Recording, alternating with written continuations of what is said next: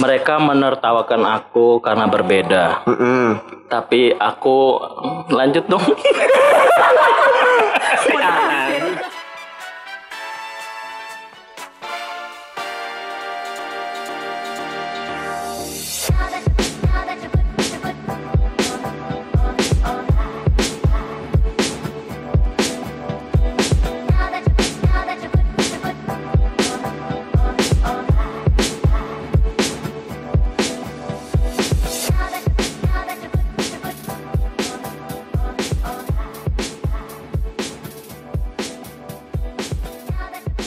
Kembali lagi di SJW Podcast, podcastnya anak kuliahan. boleh boleh Pasti nanya kan, kenapa sih intronya selalu berubah-ubah? Ya itulah sesuai topik yang kita mau bahas, gitu. Karena kita ini eh, dinamis begitu ya. Iya. Jadi ya Ya kan ngomong-ngomong tentang kuliah kan ntar lagi bakal ada pendaftaran kuliah yang baru kan. Tahun ajaran baru. Tahun ajaran baru. Oke, ya. Terus eh pasti banyak kan orang-orang yang mau masuk jurusan ini tapi terkendala orang tua atau mau masuk jurusan ini bayarannya mahal. Iya. Pasti banyak kayak gitu. Terus yang bakal kita bahas tuh gimana sih tips-tips untuk Si senior banget ya ngasih tips. gimana sih tips agar memilih jurusan yang sesuai dengan kita gitu agar kita tidak menyesal di pertengahan jalan gitu. Jadi Iya. antara ekspektasi dan realita agar sejalan mungkin. iya bener banget. Oh, Coba lu dulu dan lah. Kenapa? Kayaknya udah banyak jawaban nih. Iya. Banding. Apa apa sok? Angkatan tua soalnya. Ya itu pertanyaannya tadi. Gimana sih tips memilih jurusan kak agar sesuai Benci banget dengan kita gitu. Eh, biji mana ya? Biji mah. Oh, iya. Untuk memilih eh, tips yang sesuai gitu. iya. Sesuai dengan kita dan eh, mungkin juga eh, Sebelumnya lu eh, udah lima tahun kuliah ini cocok nggak Disebutin Nah, tahunnya. Dia itu sama saking- jurusan lu? Saking lima tahunnya berarti cocok gitu. Enggak, Oh iya bisa jadi, bisa Iya, jadi. oh bener sih bener. Oh bener banget. kok makin nyaman ya Nah, iya. Kelamaan kok makin nyaman gitu. Emang goblok aja. Nah kalau kayak kayak gitu gue percaya pasti tips-tips Iya. dari Dani nih. Percaya gue. Gimana Dan? Tuh mungkin pertama ya banyak-banyakin research dulu lah pertama. Kita intel gathering dulu, kita cari eh, info-info tentang jurusan misalnya apa yang kita eh, inginkan gitu. Iya. Semakin banyak eh, kita ada tahu data atau info, kan kan kita akan bisa semakin eh, melihat gitu apakah jurusan tersebut sesuai dengan pilihan keinginan kita dan karakteristik kita dan apakah juga eh, sesuai dengan harapan atau ekspektasi orang tua kita. Oh. Walaupun eh, orang tua, ya walaupun kadang-kadang eh, mungkin sering kali terjadi eh, perbedaan pendapat antara eh, anak dan orang tua mengenai eh, jurusan pendidikan tinggi. Gitu. Hmm. Tapi mungkin saran saya kalau ada Si pakar. Enggak, berasa webinar anjir. pakar banget anaknya. soalnya ada ada tapi Saja. ada something lah, ada Iya. substance yang iya, masuk. Iya, Lanjut, lanjut Pak narasumber. Communication. Itu kunci loh, Is. Iya. kuncinya eh, jadi eh, semakin jelas kita bisa mengkomunikasikan dan ada feedback dari orang tua kita.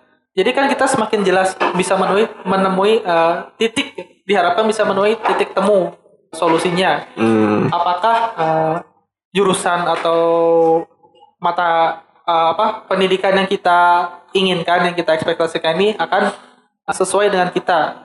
Karena eh, misalnya kalau kita terlalu idealis dengan sendiri, emang mungkin karena di awalnya akan oh fine lah gue ini gue, tapi bisa jadi ada eh, efek eh, akumulatif gitu di ke belakangnya nanti.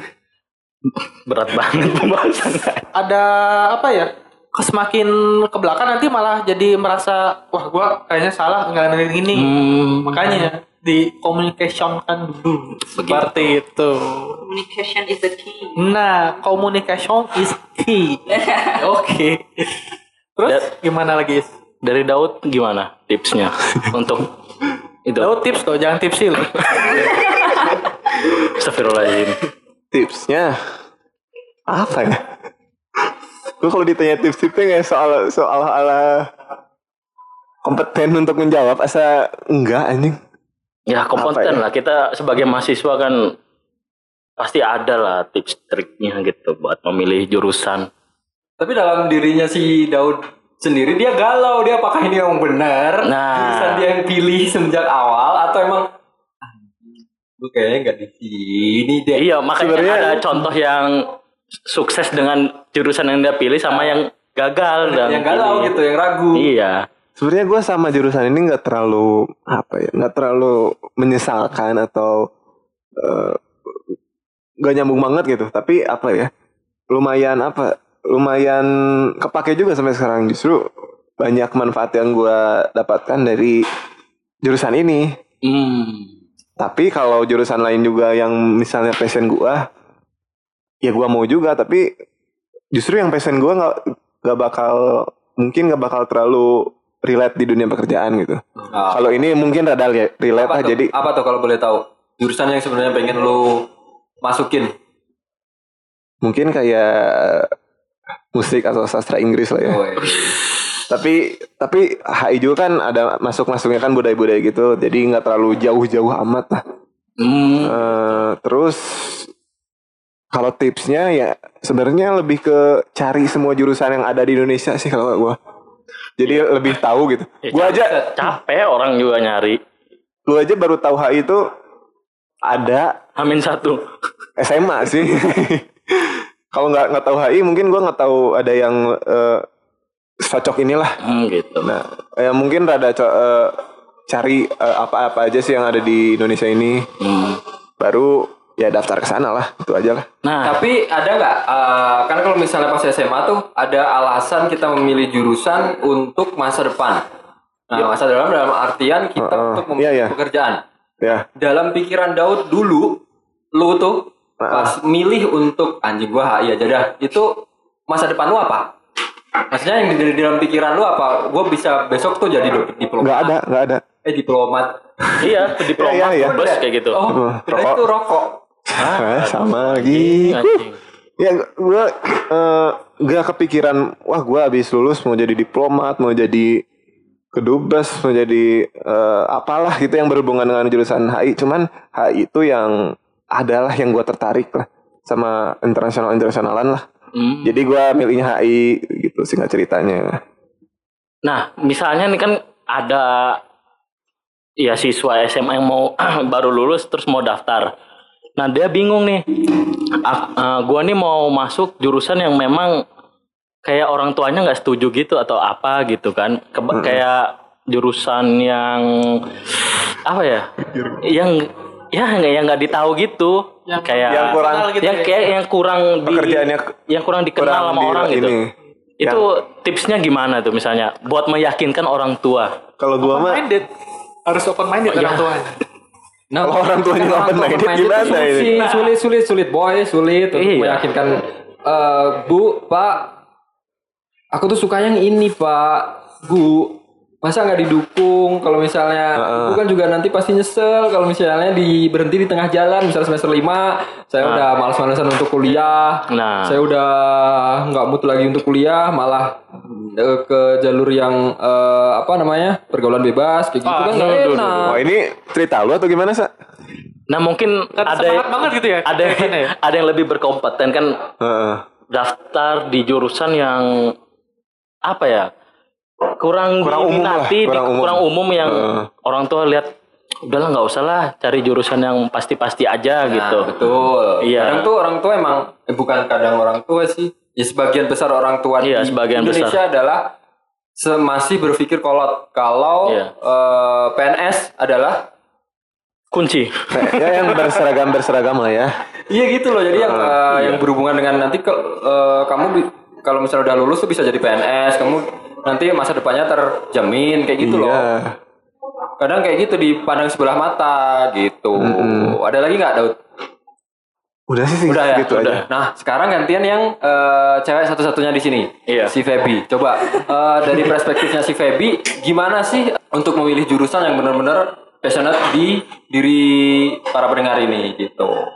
Oke, eh, aku nggak bisa ngasih tahu banyak sih ya. Cuman kalau misalnya di urusan pribadiku kayak sebenarnya emang dari awal juga kan aku masuk murni itu sempat dipermasalahkan kan, terutama sama papa. Karena papa berharapnya aku masuk DKV kan. Iya. Cuman dari situ ya aku bilang lah ke papa eh, waktu aku SMK DKV itu eh sebenarnya sekolahku baik-baik aja gitu maksudnya dari segi nilai dan segala macamnya baik-baik aja. iya. Cuman kalau misalnya aku ternyata nanti melanjutkan DKV lagi ya kalau misalnya aku gak bener kan yang rugi juga mereka Iya, gitu pasti. loh. Jadi akhirnya aku kayak ngasih tahu ya ibaratnya ngasih pengertian lah ya lebih tepatnya kayak eh, aku nanti bisa kerja ke mana karena kan kalau seni itu meluas kan Iya. dan di murni juga nggak melulu murni gitu loh ada kayak jurusan yang ada kayak mata kuliah yang emang berurusan sama digital juga dan aku juga kan sebelumnya udah berurusan sama digital sedangkan kan sekarang tuh digital tuh bener-bener eh, penting banget gitu kan Iya. maksudnya kayak udah banyak banget lah siapa sih yang ya ibaratnya sekarang emang perlu banget lah untuk mengerti soal digital itu kan jadi Iya. aku ngerasa kayak ya aku ngasih pengertian ke mereka kalau misalnya memang ternyata aku nanti beres kuliah eh, aku nggak sesuai sama yang sekarang lagi aku jalanin ya nanti aku bakal buktiin yang lebih baik dari itu gitu loh Oh iya. kayak pada intinya sih ya ya itu kuncinya ngasih pengertian ke mereka ngasih penjelasan kayak ngasih riset dan segala macam ngasih eh, ngasih tahu kalau misalnya ya kita tuh bakal bener loh gitu.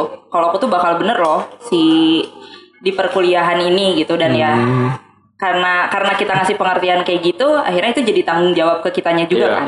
Dan itu ya harus kita buktiin juga gitu dan biar mereka percaya juga kan kayak gitu Tapi sebelum sebelum pendaftaran itu ada sempat perdebatan nggak? Atau eh, mulus-mulus aja? Jadi waktu daftar itu kan di Telkom tuh bisa ngambil dua jurusan Iya. atau lima jurusan. Oh bisa lima juga. Iya, sedangkan di FIK itu di Fakultas Industri Kreatif Telkom itu Heeh. bisa eh, cuman ada lima si penjuruannya Oh. DKV, DI, DP, Fashion sama Murni. Oh, Akhirnya aku ambil semua di situ. oh dia Jadi ambil aku semua daftar awalnya. Oh. semuanya, iya. Berhubung aku daftarnya udah mendekati ke masuk kuliah Heeh. dan udah slotnya udah pada penuh segala macam, akhirnya ya berujung aku keterimanya di murni. Dan Oh. memang dari SMA juga aku ngerasa kayak eh, kayaknya aku emang cocoknya di murni gitu loh, bukan di digital gini, apalagi di fashion ya. Karena kan itu berurusan sama jahit menjahit kan. Oh, iya. Sedangkan rumit. wah aku udah wah tangan ini tuh nggak terlalu teliti untuk menjahit gitu jadi kayak ya udahlah akhirnya ya karena keterimanya di murni dan- mereka kayak komplain segala macam aku pun kayak ngomong sama kakak-kakakku kan kayak gimana nih kalau misalnya aku keterima di murni apakah aku harus daftar lagi ke kampus lain atau gimana gitu kan Iya, itu yang ribet. Terus yang mereka bilangnya kayak ya selama kamu bisa membuktikan itu benar dan kamu bisa gitu ya untuk ngejalanin itu sampai eh, nanti dan mulus ya nggak apa-apa lanjutin aja rebel aja sedikit mah gitu Iya, harus. ngomongnya kayak gitu maksudnya ya Seniman banget rebel ya. dari ya maksudnya daripada kita nge, apa menyesuaikan keinginan orang tua yang belum tentu juga kerjanya nanti kayak gimana dan kuliahnya nggak bener juga kan duitnya habis di mereka ya kan Iya, ya itu mending kalau misalnya kita kuliahnya pakai duit sendiri ya itu mah udah jadi tanggung jawab Wah sendiri gila, kan Nah. pekerja keras banget ya. Iya kan, Sendiri. cuman kalau misalnya kita pakai duit orang tua ya kita juga harus bertanggung jawab atas uang mereka gitu. Mm. Jadi ya itu sih intinya. Jadi kuliah yang benar. Is, Ya, Gimana sih? Dan gimana beda-beda ya. Ya bener, malah maaf Wah, dan tumpang Tapi, tapi menurut Mabar, aku ya, menurut aku untuk kuliah sampai kan eh, normalnya 4 tahun kan. Yep. norm, Yang ah, kita nggak normal. setengah, kan? Iya, gue normal. Nah, tapi kalau menurut aku lima tahun tuh masih normal sih, Iya. karena Oh. maksudnya nggak semua mata kuliah yang kita jalanin, yang kita pelajarin itu nggak semuanya bakal mudah ke kita, nggak Iya. semuanya bakal kita ngerti gitu loh. Hmm. Cuman ya seenggaknya dari situ ya kita jadi bisa belajar lebih banyak lah. Saya setuju sih dengan saudari Feby. Oh, Asik. Gimana panelis? Gimana kalau setuju sih? ya gitu. Nah, tapi eh, ada pertanyaan nih aku. Oh iya, Ada apa yang tuh? Agak mengganjal itu loh. Apa itu? Sempat eh, beberapa waktu lalu ada eh, bahasan kalau misalnya anak itu sebagai investasi oleh orang tua. Ya ampun. Ya Itu- Itu ampun. apa? Gak, saya saya saya Udah. Udah, udah. Gua. Sinar sim. Balik lagi ke webinar ya. gua Webinar vibe lagi nih. Saya. gue sendiri juga masih agak agak belum bisa eh, menentukan apakah ini emang harus seperti itu atau emang ada eh, pendapat lain gitu mungkin. Misalnya kan eh, dijadikan sebagai investasi orang tua di masa depan gitu. Nah iya. Itu ap- saya juga masih bingung gitu untuk Aku mau menyikapinya. ngomong ya soal Oke, ini. boleh. Kayak kan tiap orang tua itu pasti beda-beda ya pemikirannya Iya, iya, dan segala macam meskipun ya tujuannya pengen anak tuh bener dan segala macam kan ke Hmm, depannya. Iya, iya. Cuman eh, untuk eh, aku pribadi, keluargaku lebih memilih untuk yang penting kamu kuliahnya yang benar dan kamu punya Ya. gelar. Urusan kerja eh, mereka bakal bantuin sebisa mereka gitu. Nah itu. Dan ya itu itu Eh, untuk keluargaku oke, ya. oke, sorry gua, gua potong. Eh, Iya, boleh. Kalau misalnya gua jadi anaknya bapak sama ibu lu gimana boleh nggak? Iya kebetulan orang tua aku tuh adopt. punya anak cowok. Karena tuh ya, kita bisa ya, empat-empatnya teman-teman ya. cewek. Bisa Dan Gas, gas. bahkan mamaku tuh eh, ini jadi ini random ya, ini Iya, out of iya, topic ya. iya, iya. Jadi mamaku tuh eh, dia bikin lagi, Oke. maksudnya bikin lagi sama. Itu di umur 40 tahun. Bikin lagi karena Oke. Oh, 40 sak- tahun. Iya, jadi waktu mamaku umur 40 tahun. Maksudnya Oh. umur 40 tahun itu eh, umur yang rentan untuk Iya, hamil iya, kan. Iya iya. Tapi saking mereka pengen anak cowok, akhirnya mereka memutuskan untuk bikin lagi. Dan sampai akhirnya itu tuh uh, mereka ngikutin adat Sunda yang aduh apa ya bahasa Indonesianya ya? Ulekan yang coet sama Iya, mutu iya, itu. iya, Iya. Nah, jadi tukeran sama tetangga gitu loh. Kalau Oke. misalnya tetangga pengennya anak cewek, itu uh, si tetangganya ngasihin yang ulekannya ke yang pengen anak cowok. Oke. Sedangkan mamaku ngasih tatakannya itu yang Oke. alasnya ke yang uh, pengen anak cewek kan.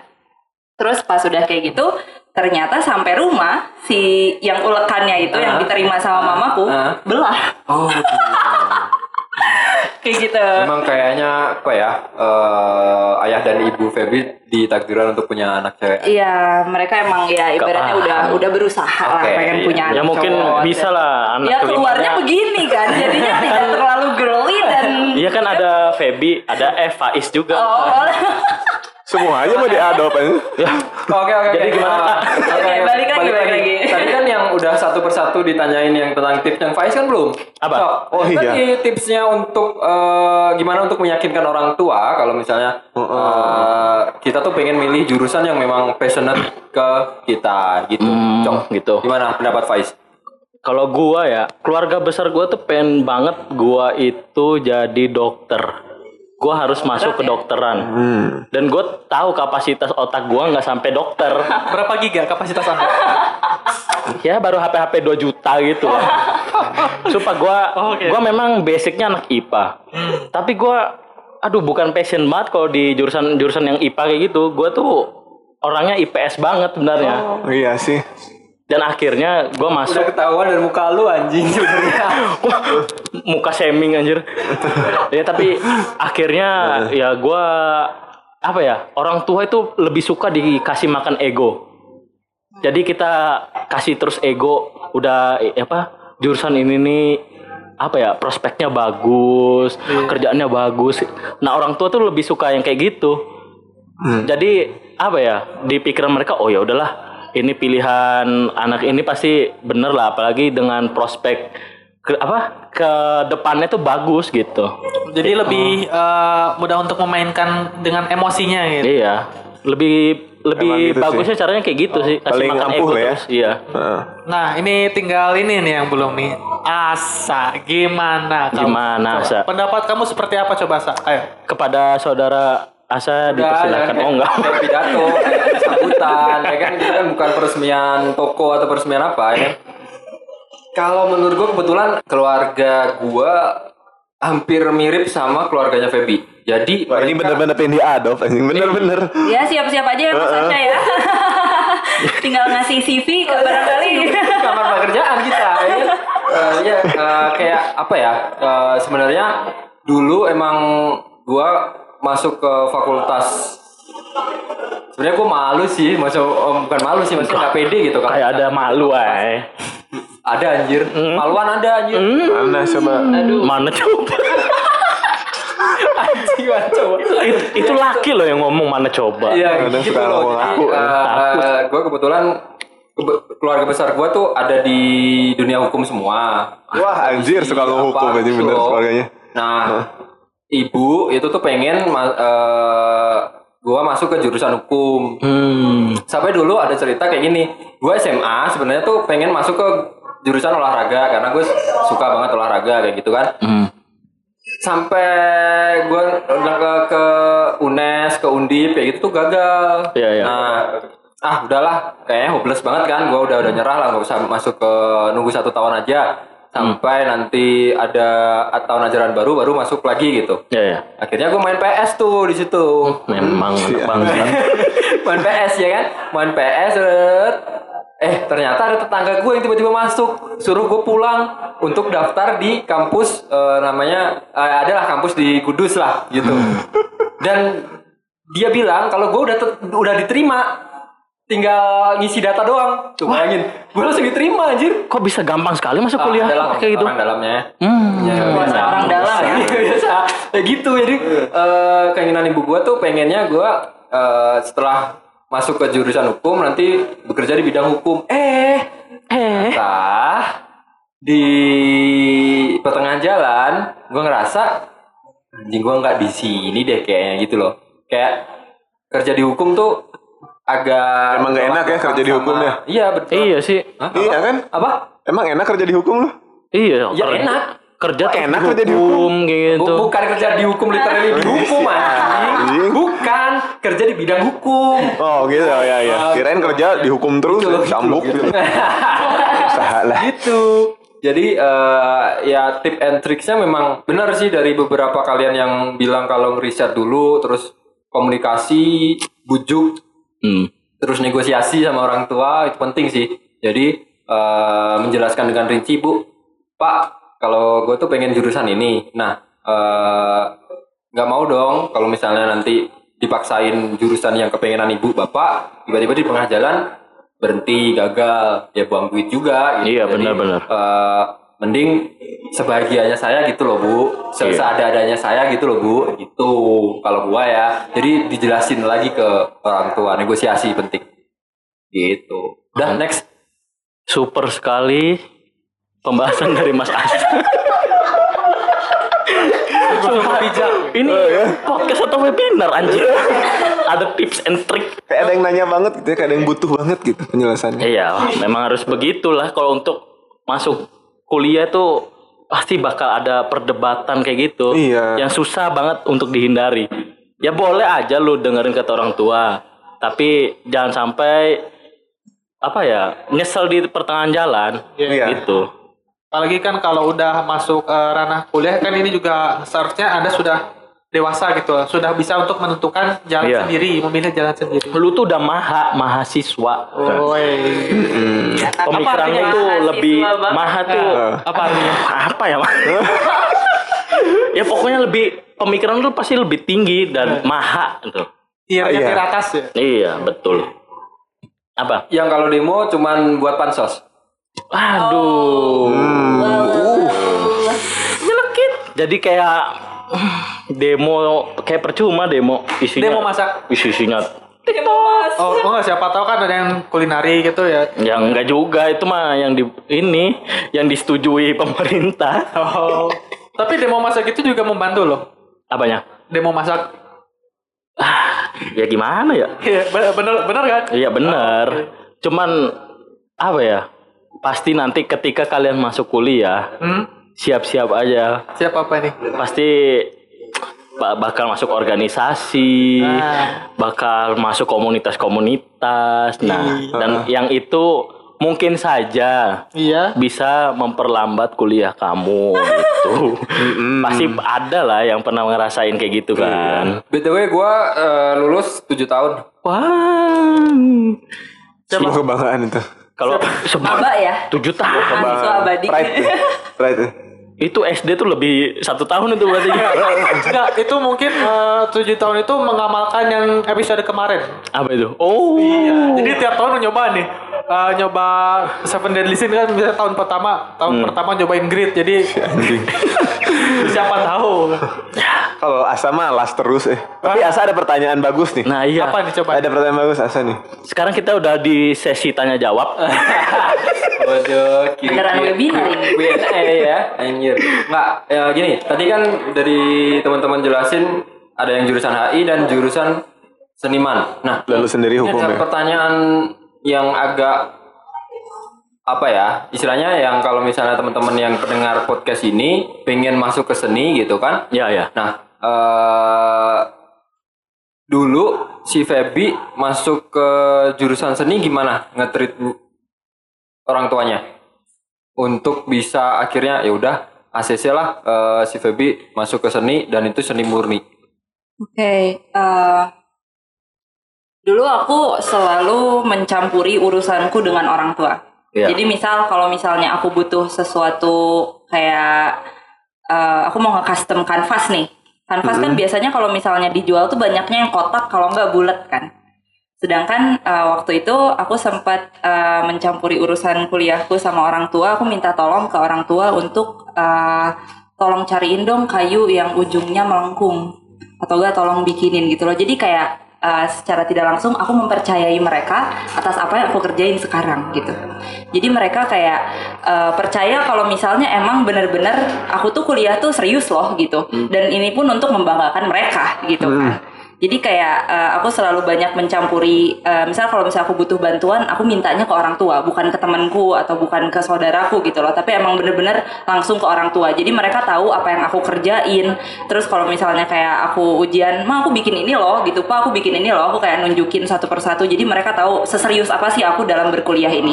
Karena sebenarnya orang tua aku ini fokusnya lebih ke kayak eh, aku pengen kamu lulus gitu bahasanya sederhananya kayak gitu aku pengen kayak kita foto wisuda gitu bahasanya kayak gitu karena uh, basicnya sebenarnya dari keluarga aku itu uh, bisnis basicnya jadi semua kakakku itu punya bisnis masing-masing termasuk papa jadi papa tuh wira usaha ya berarti namanya Iya, iya, ya wirausaha. Iya, kayak Entrepreneur gitu. berarti. nah ah.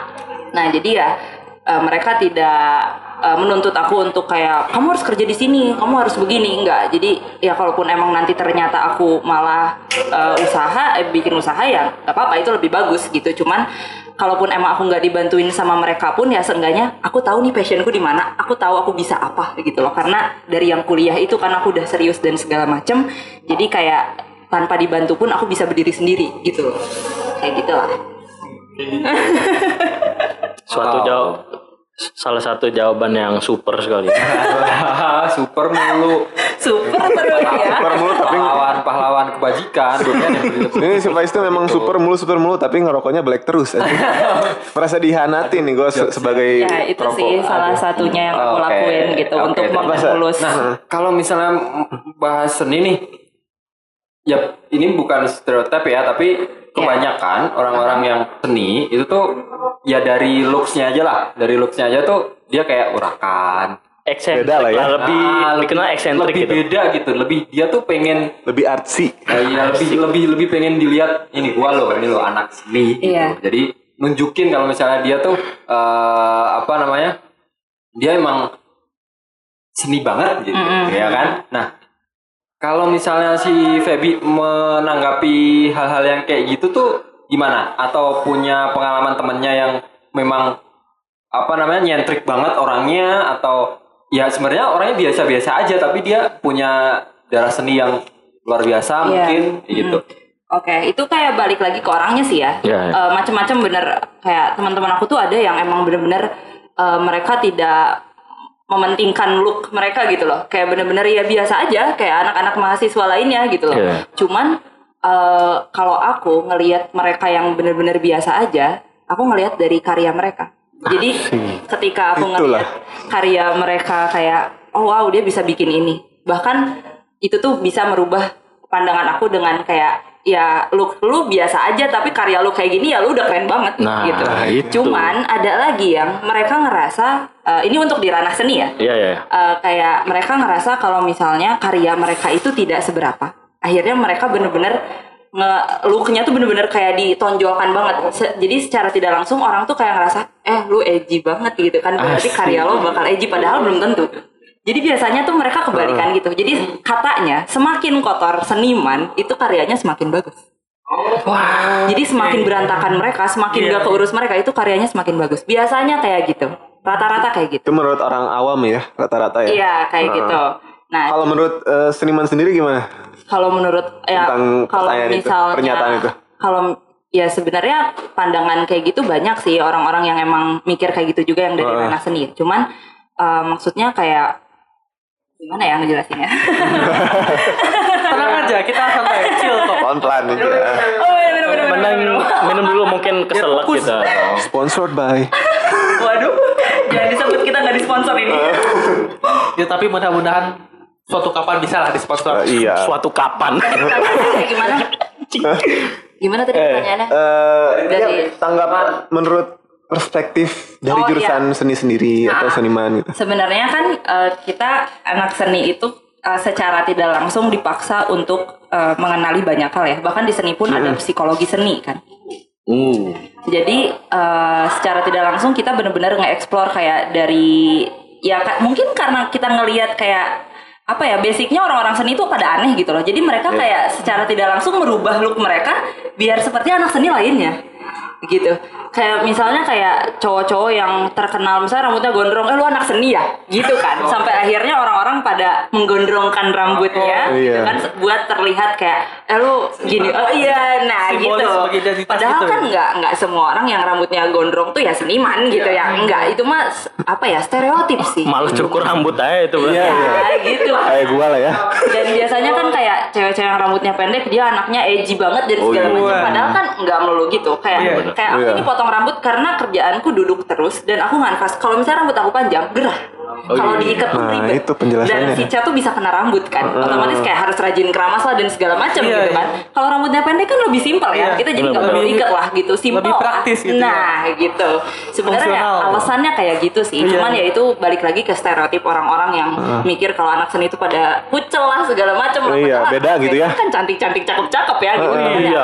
Kan penampilan beda tuh kayak salah satu quote quote-nya Kurt Cobain gitu. Iya, Gimana Is? lagi Gimana? kita ke situ gimana gimana Kut? Gimana Is? Gimana quote-nya? Gimana Is quote-nya Kurt Cobain tentang yang beda-beda orang beda ya? Beliau pernah mengatakan mereka menertawakan aku karena berbeda. Mm-mm. Tapi aku lanjut dong.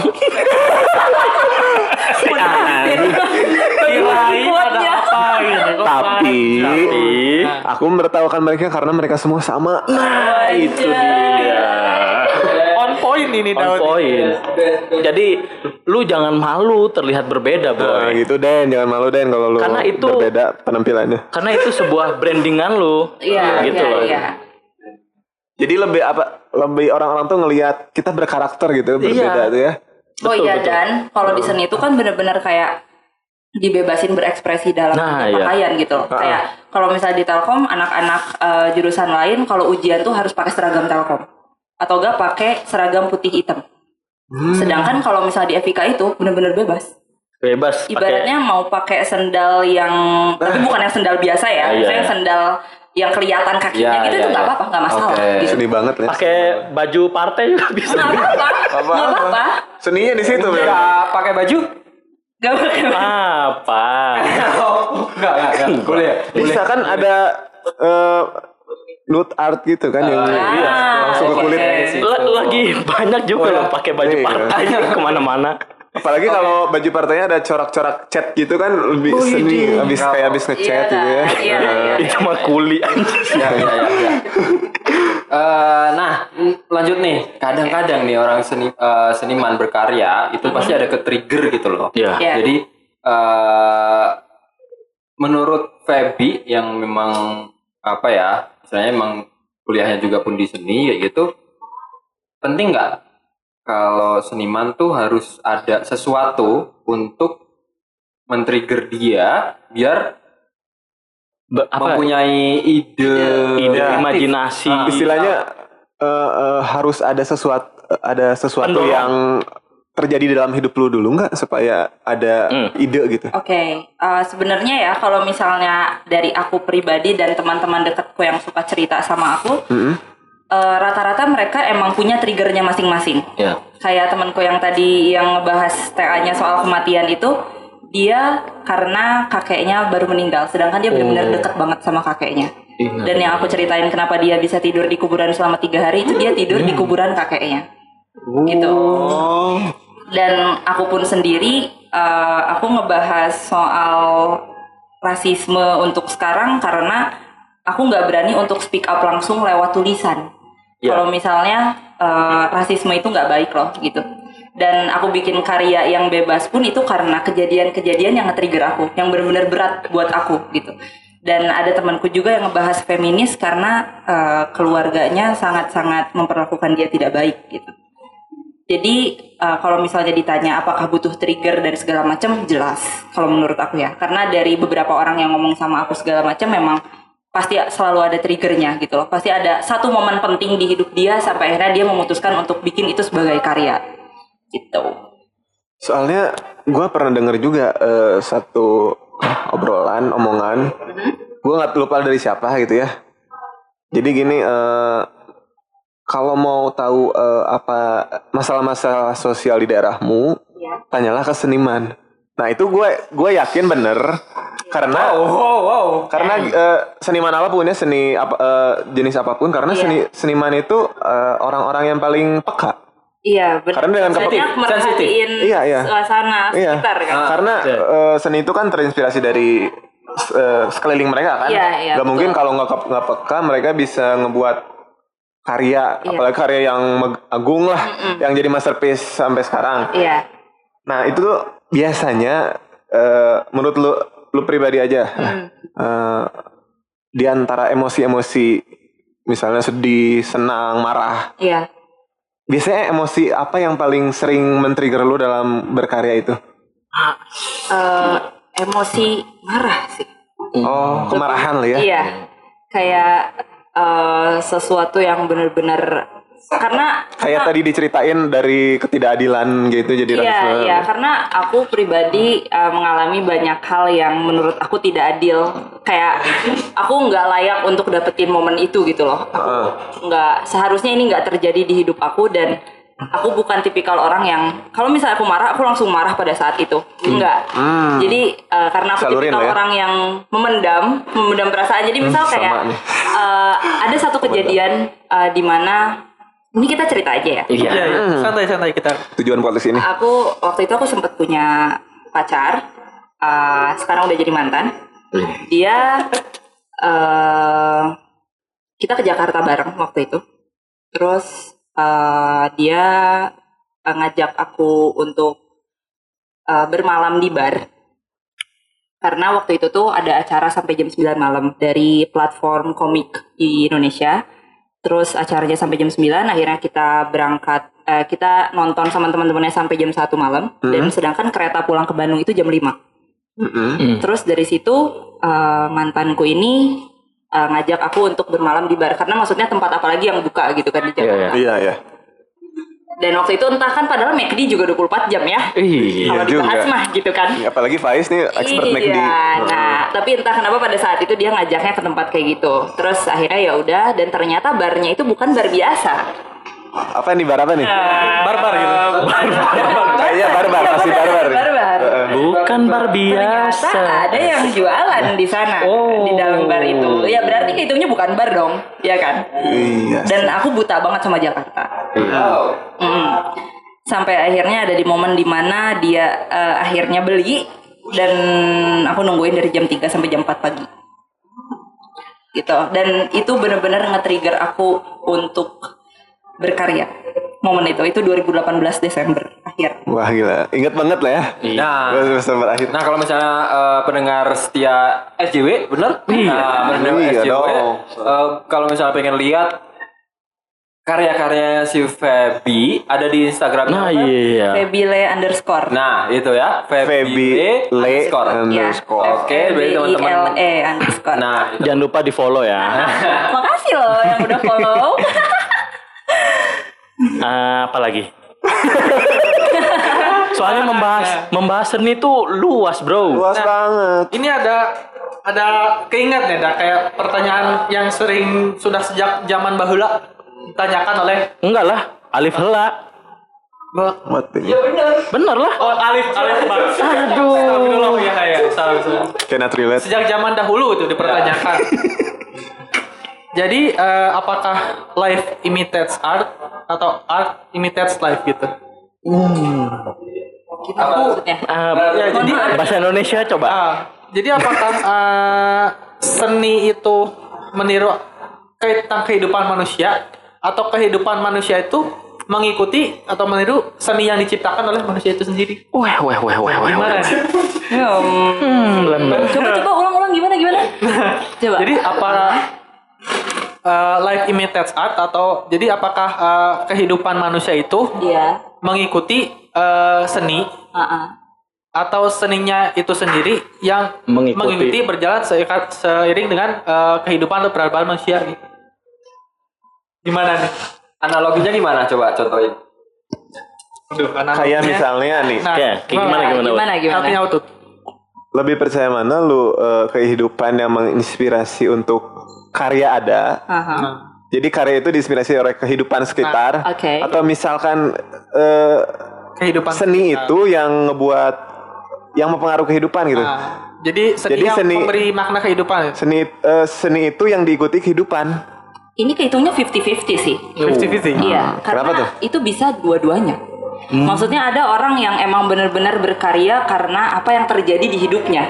Tapi ada juga orang yang berkarya karena kayak ya eh, ada juga kehidupan yang emang mempengaruhi karya. Kayak misalnya eh, soal rasisme tersendiri itu kan itu kehidupan yang ada di dunia kan. Iya, iya. Akhirnya kita terinspirasi dari momen itu dan kita buatlah karyanya dalam bentuk apa pun itu. Ada yang ya protes lah itu juga salah satu bentuk karya kan ya, Iya, benar, protes benar. itu kan.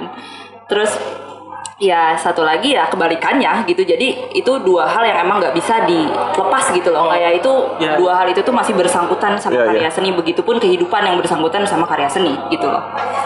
Ya Jadi mereka kayak simbol mutualisme ya bahasanya ya. Iya. Ya gitu. Intertwine Ya. antara satu Ah, dengan lain. iya, Gue iya, juga iya. setuju sama itu soalnya eh, banyak juga ada juga kasus kan kalau kasus eh, seni yang di eh, berdasarkan kehidupan kan banyak lah ya. Iya, iya. Berdasarkan pengalaman banyak.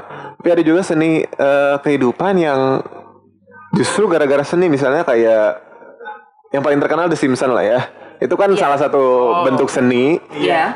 yang justru jadi kayak pewahyuan ke masa depan gitu. Iya betul. Yang justru Seperti benar-benar mirip sama apa yang di Yang di Yang terjadi di gitu ya. bumi ini ya. Heeh, nah itu salah satu contohnya. Mungkin mungkin kalau dipikirin lagi mungkin banyak sih yang eh, seni jadi kejadian di Iya. kehidupan nyata. Iya gitu. iya iya benar.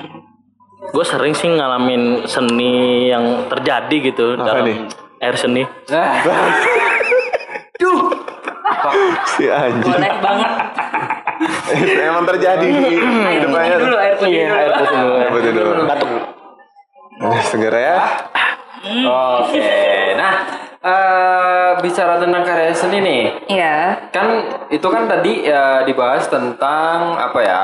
Faktor dalam diri atau faktor luar ya itu ya. Kalau misalnya yang tadi itu. Iya, Iya. iya bisa, Ya bisa, kan? bisa, bisa Eh, nonton. kalau misalnya faktor dari luar yang istilahnya ada sih maksudnya yang bilang kalau seniman nggak bakal keluar karya kalau dia nggak misalnya minum Iya. drug atau whatever Heeh.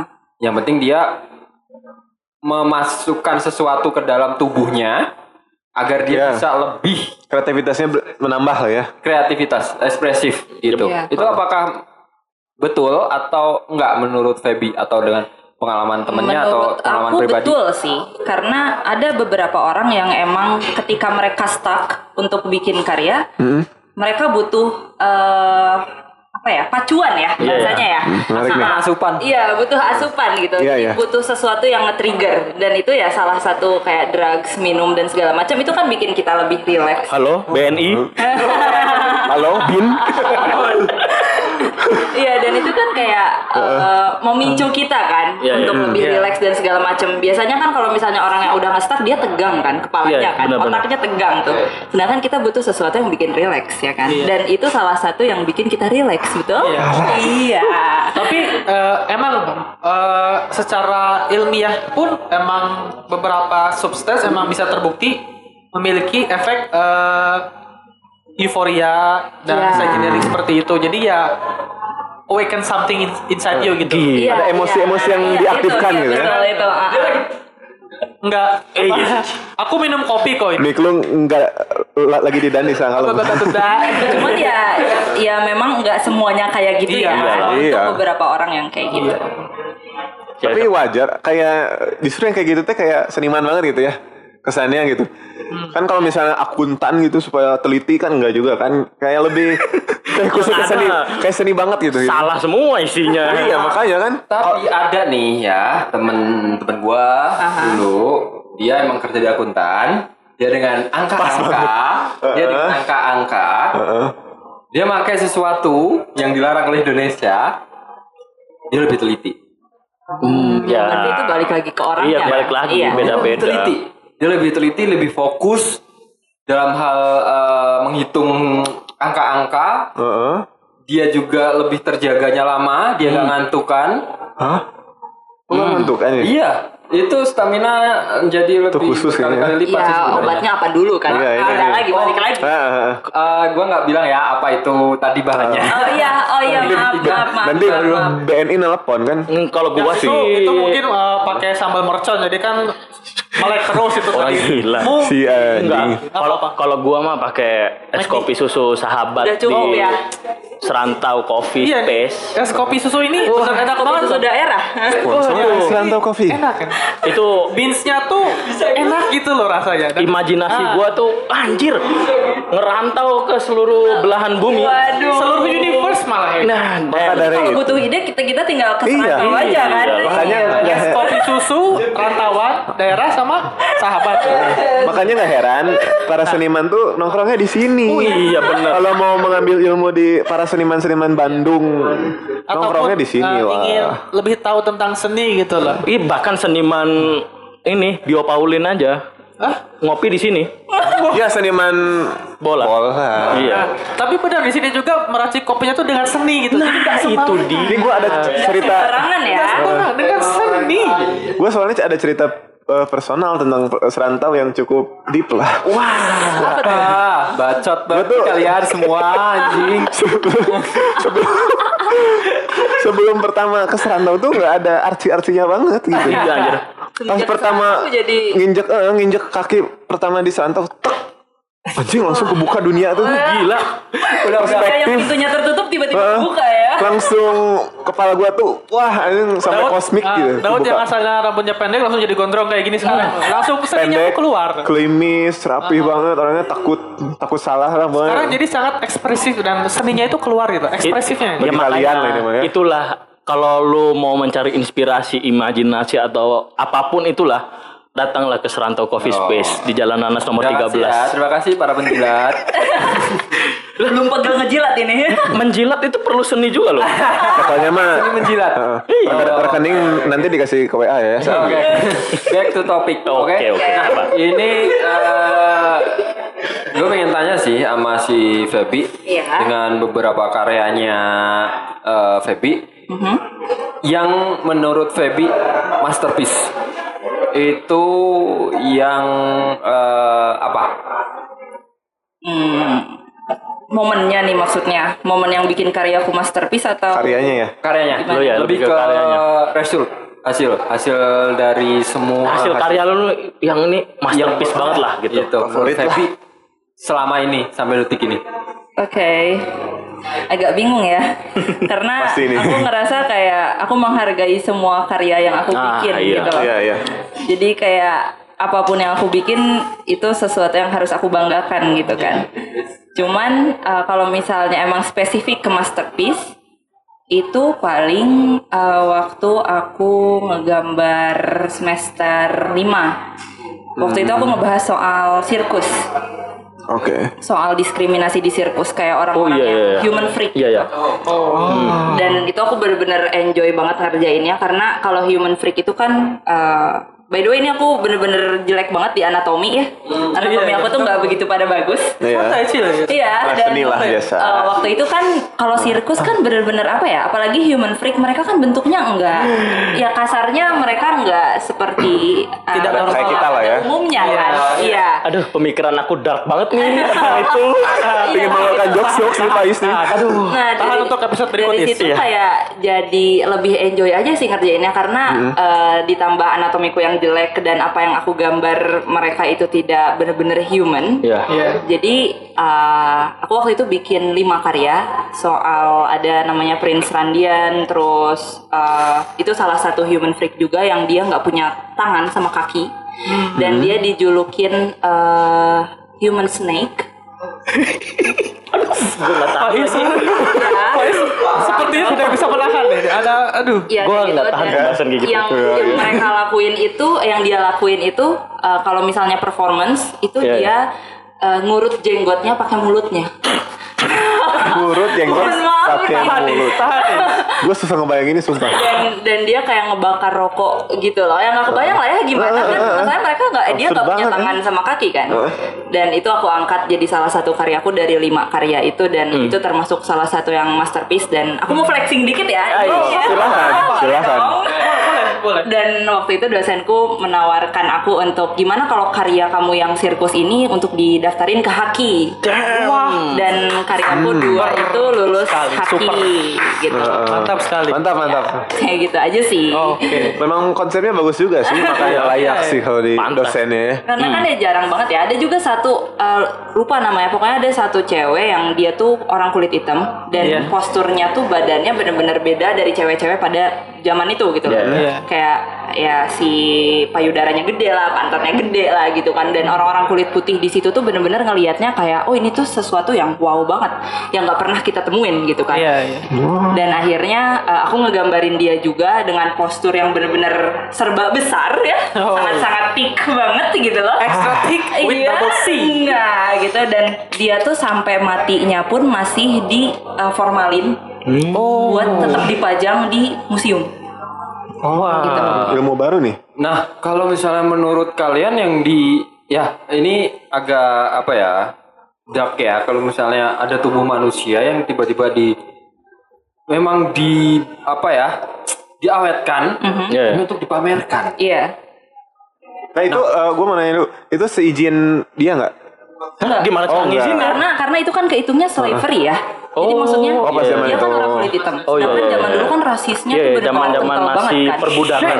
Dan Iya, iya. Terus, sampai akhirnya uh, sampai dia dipajang di museum itu yang sampai masih dipertontonkan oleh orang-orang kulit putih sampai Hmm. uh, dari dia kan berasal dari Afrika Hah? dan pemerintah Afrika itu minta untuk dia dikuburin. Jadi waktu rasisme itu udah mulai-mulai orang tuh udah mulai aware gitu loh sama iya. rasisme. Heeh. Dan akhirnya uh, dibantuin lah si perempuan ini untuk dikuburin gitu karena selama ini tuh dia bener-bener kayak dijual ke sana sini gitu. Dieksploitasi gitu Iya, ya. iya betul. Emang ngeri sih zaman itu ya. Ngeri memang Itu kalau sih. zaman perbudakan dulu ya. Iya. Dan itu asik banget sih gambarnya bener-bener kayak enjoy banget. Karena kayak karena aku tahu juga backgroundnya gimana dan Iya, aku iya. kayak ngerasa aku sebagai perempuan kalau diperlakukan seperti itu kayak wah anjing banget lu gitu kan. Iya, iya. Keluar kan wah ini gara-gara Akhirnya, akhirnya tuh. keluar nama-nama binatang dari mulut si Feby ya kan. Anjing lo. Iya. Dia tuh baru kali ini first time untuk bilang itu. Iya gitu. Terima kan kasih ya, parents. ya nggak sopan banget gitu kan. Akhirnya ya. Persetan dengan itu- sopan. Di sini, di sini kita ekspresif karena Ekspresif. podcast ini adalah seni juga. Iya, Seni. podcast berpodcast itu seni, Bro. Iya, Seni berbicara. Nah, Ya gitu sih. Masalah Banyak banget ya eh, obrolan kita hari ini ya. Wah, sangat-sangat iya. produktif ya. Sangat produktif sekali, sangat-sangat berisi. Wah gila. Banyak yang membuka gitu. Ya, terima kasih apa- asupannya. Sama-sama. apa itu? maksudnya, susu. maksudnya ini Kopi mengoti dari serantau. Tehnya juga di sini nggak kalah sama kopinya. Enak Iya, juga. rasanya. Ya, emang jago sekali. Semua di sini dibuat dengan seni. Pokoknya bikin enjoy banget lah ya. Aku cinta serantau. Rekening BCA 194. ya mungkin sampai sini aja lah karena masih banyak sebenarnya yang harus kita yang bisa dibahas tentang seni atau Iya, kuliah karena memang atau seni itu luas banget ya. banget. Iya. Soalnya Dari- jurusan kita HI juga kan bisa dianggap seni. Iya benar. Iya. Dari pertama manusia ada sampai nanti manusia pun berakhir juga pasti seni itu akan selalu ada. Iya. Iya. Alam semesta ini juga sudah seni Betul. lah ya. Nah, Ya begitulah semoga kalian bisa memetik value atau memetik nilai. value nilai-nilai yang Dan ada yang di dalam podcast ini. diambil, yang Iya, yang bagus bagus diambil, diambil, ya. yang jelek jangan ditiru. Iya. Oh, Iya. Soalnya banyak Dengerin bagusnya sih di sini. Memang banyak apa ya? Daging. Daging banget lah. Sumpah gue paling benci bahasa itu. Asli anjing. Ini masak kasar saja. Eh, iya. Fun Ya, kita ini. ya itulah. Oke, semoga kalian senang dengan pembicaraan Podcast ini. kali ini. Eh, terima kasih kepada moderator. Wah, ini formal sekali. Panelis banget anaknya teh. Terima kasih pada narasumber yang telah hadir dan pendengar setia SDO Podcast. Goodbye. Oke. See you next time.